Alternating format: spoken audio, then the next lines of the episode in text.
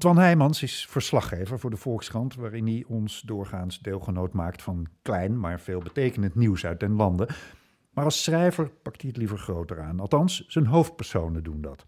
In zijn veelgeprezen roman Op Zee onderneemt een vader het waagstuk om met zijn zevenjarige dochter naar Denemarken te gaan zeilen. En in zijn nieuwste roman, Zuurstofschuld, wordt de eindeloze vlakte van de oceaan verruild voor het hooggebergte, waar niet ouderliefde, maar uh, de vriendschap wordt getest. Twan Heijmans. Ja.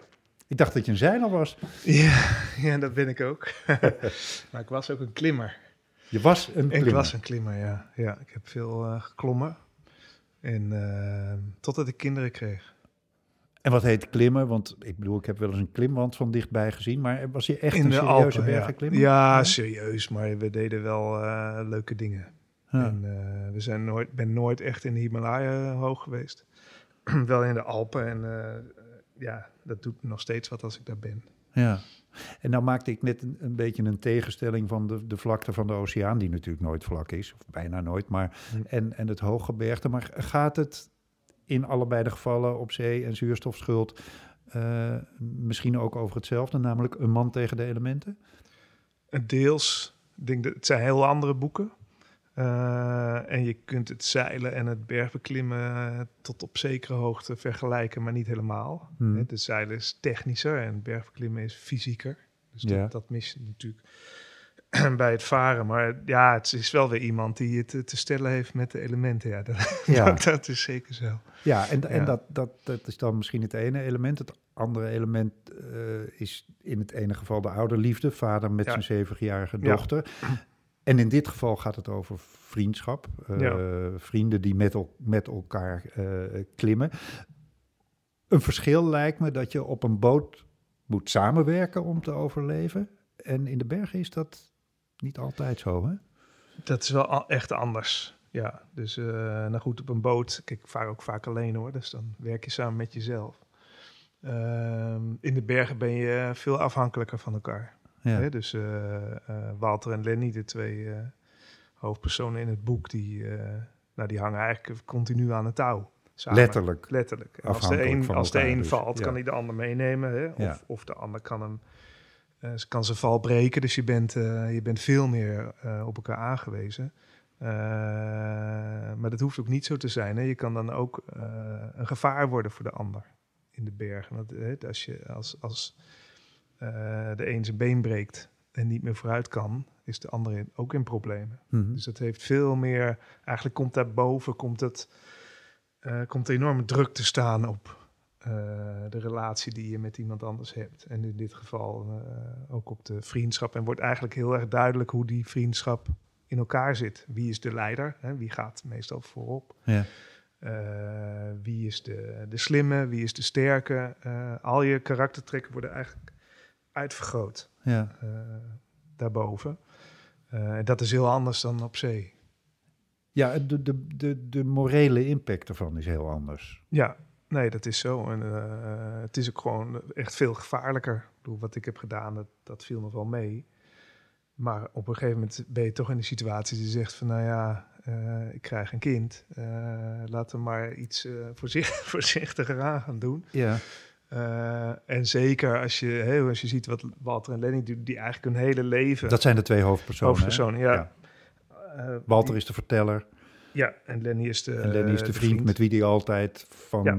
van studententijd af aan geklommen heeft. Ja, ze hebben eigenlijk nooit wat anders gedaan. Nee. Dus ze hebben eigenlijk niet eens gestudeerd. Ze zijn daar helemaal voor gegaan. Mm.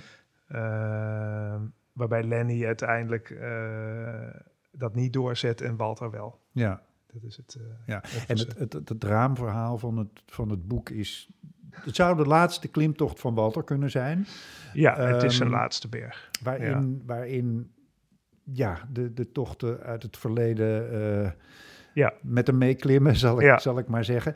Um, waarin het, het, grote morele dilemma is: op een gegeven moment moet je misschien om te overleven wel kiezen voor jezelf en niet voor de ander. Is dat, is dat dan ook waarin het boek niet meer over bergbeklimmen, maar over ons allemaal gaat?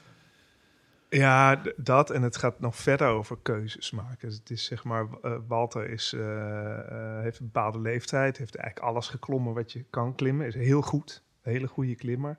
Maar ja, weet je, alles is al beklommen in die bergen. Dus als jij de Mhm. Mount Everest beklimt, dan, ja, dat is eigenlijk niks meer. Hè? Dus dat is, het is nog geen toeristenberg geworden, maar, maar hij zit daarmee, hè? want hij heeft al die boeken gelezen van al die grote alpinisten uit het verleden. Eh, Boeken die overigens, eh, althans in de verhalen die Ja. erin beschreven worden, ook allemaal Die zijn in allemaal boek ingeslopen. Ja, in er zit een lange, komen, een lange literatuurlijst vertelt achterin, ook eh, veel van die klassieke Ja, klimverhalen in je eigen woorden na. Wat het, Precies. wat het boek een, een enorme diepgang en spanning geeft, vind ik zelf. Ja. ja, nou, dat is fijn om te horen. dat was ik de, nou ja, die, die verhalen zijn eigenlijk ingeslopen. Dat was Mhm. hem niet mijn idee om dat te doen van tevoren. Hè? Want dit, ik wilde een verhaal maken over een man die eh, op een leeftijd is gekomen dat je om gaat kijken. Hè? Dit, op een gegeven moment dan, nou heb ik zelf ook meegemaakt, eh, dan eh, kijk je minder, minder vooruit dan achteruit. En dan ga ik nadenken van ja, waarom heb ik dit gedaan? En dat Geen is idee zijn, waar je het over hebt. ik kijk heel doordringend aan, maar dat kun je zo niet. eh. Ehm, en eh, ehm, nou ja, in het, het, het, het geval van, van eh, Walter kijkt hij dus terug, letterlijk vanaf het begin. Het boek begint op de top van een berg en hij Mhm. kijkt eigenlijk uit over zichzelf. Mhm. Dat is wat, er, hè, en van wat heb ik. eh, wat heb ik gedaan? En dat is, zijn al die verhalen van die alpinisten die vaak mensen in Nederland helemaal niet kennen. Hè, er zijn mijn grote idolen als Walter Bonatti, een Italiaan, is nooit een fantastisch boek gemaakt, boeken. Hij was ook journalist, maar niet in het Nederlands vertaald. Nee. Eh ook niet. En Ja. het zijn allemaal... Meisner, verder komende mensen, Nee, denk ik. nee je, hebt, Ja. eh, je hebt dan een paar Ja. hotshots, zeg maar. Maar die kunnen wel...